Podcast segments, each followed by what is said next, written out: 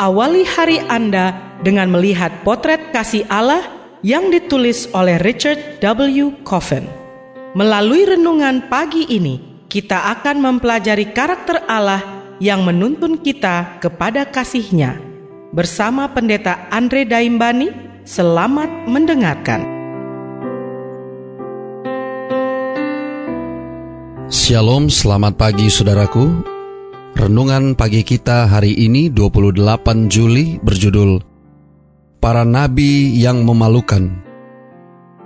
Ayat intinya diambil dari Sakaria 13 ayat 6. Demikian firman Tuhan. Dan apabila ada orang bertanya kepadanya, bekas luka apakah yang ada pada badanmu ini?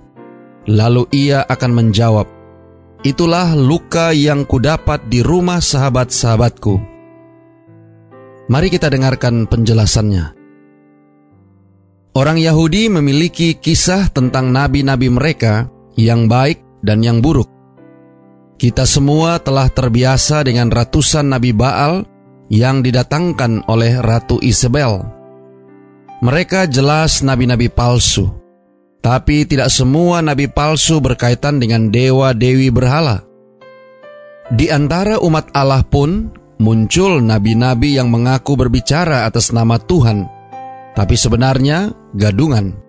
Dan tidak selalu mudah menentukan mana nabi yang bertindak di pihak Allah dan mana yang bukan. Yeremia pun kelihatan bimbang ketika menghadapi Hananya yang ternyata adalah nabi palsu. Tuhan tidak menghargai para penipu. Aku akan menjadi lawan mereka yang menubuatkan mimpi-mimpi dusta, serta menyesatkan umatku dengan dustanya dan dengan bualnya. Aku ini tidak pernah mengutus mereka dan tidak pernah memerintahkan mereka. Dicatat dalam Yeremia 23 ayat 32. Aku tidak mengutus mereka, tidak memerintahkan mereka, dan tidak berfirman kepada mereka. Mereka menubuatkan kepadamu penglihatan bohong, ramalan kosong, dan tipu rekaan hatinya sendiri. Dicatat dalam Yeremia 14 ayat 14. Nabi-nabi palsu itu khususnya jahat karena mereka tidak menyatakan kesalahanmu dan karena itulah ramalan-ramalan mereka adalah dusta dan menyesatkan. Dicatat dalam ratapan 2 ayat 14. Nubuatan yang asli mempunyai sebuah sasaran yang penting, memulihkan kembali umat Allah. Dicatat dalam ayat yang ke-14. Menurut Zakaria, dalam masa kejayaan yang akan datang, akan terbuka suatu sumber bagi keluarga Daud dan bagi penduduk Yerusalem untuk membasuh dosa dan kecemaran. Dicatat dalam Sakaria 13 ayat 1. Selanjutnya, Allah berjanji, para nabi dan roh najis akan kusingkirkan dari negeri itu.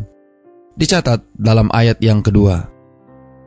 Sebagai akibatnya, nabi-nabi palsu itu akan menjadi orang-orang yang tak dikehendaki Orang tua mereka tidak akan mengakui mereka.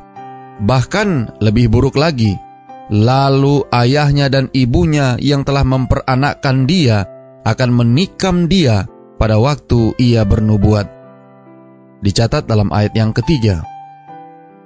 Bahkan para nabi yang menyandang bekas luka yang nyata itu akan merasa malu bahwa mereka telah menolak pekerjaan mereka mereka menyimpan jubah berbulu mereka di gudang. Dicatat dalam ayat yang ketiga, yang biasanya mereka kenakan untuk meniru-niru Elia.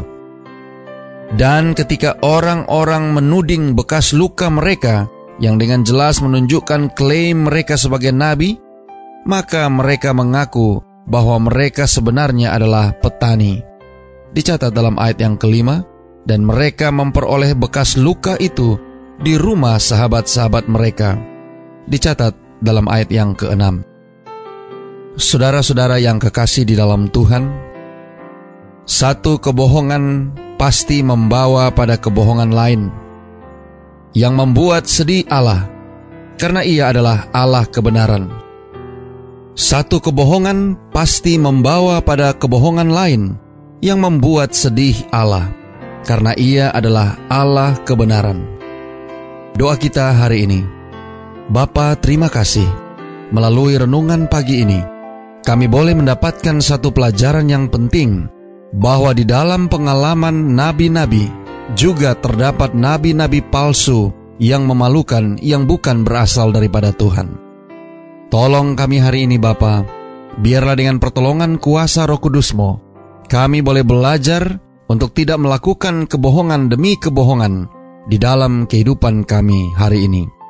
Terima kasih Bapa. Inilah doa dan permohonan kami kepadamu.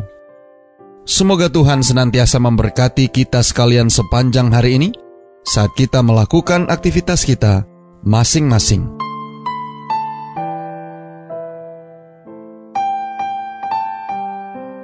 Demikianlah tadi pembahasan tentang potret kasih Allah. Semoga firman Tuhan hari ini dapat menjadi berkat bagi Anda. Sampai jumpa, Tuhan memberkati.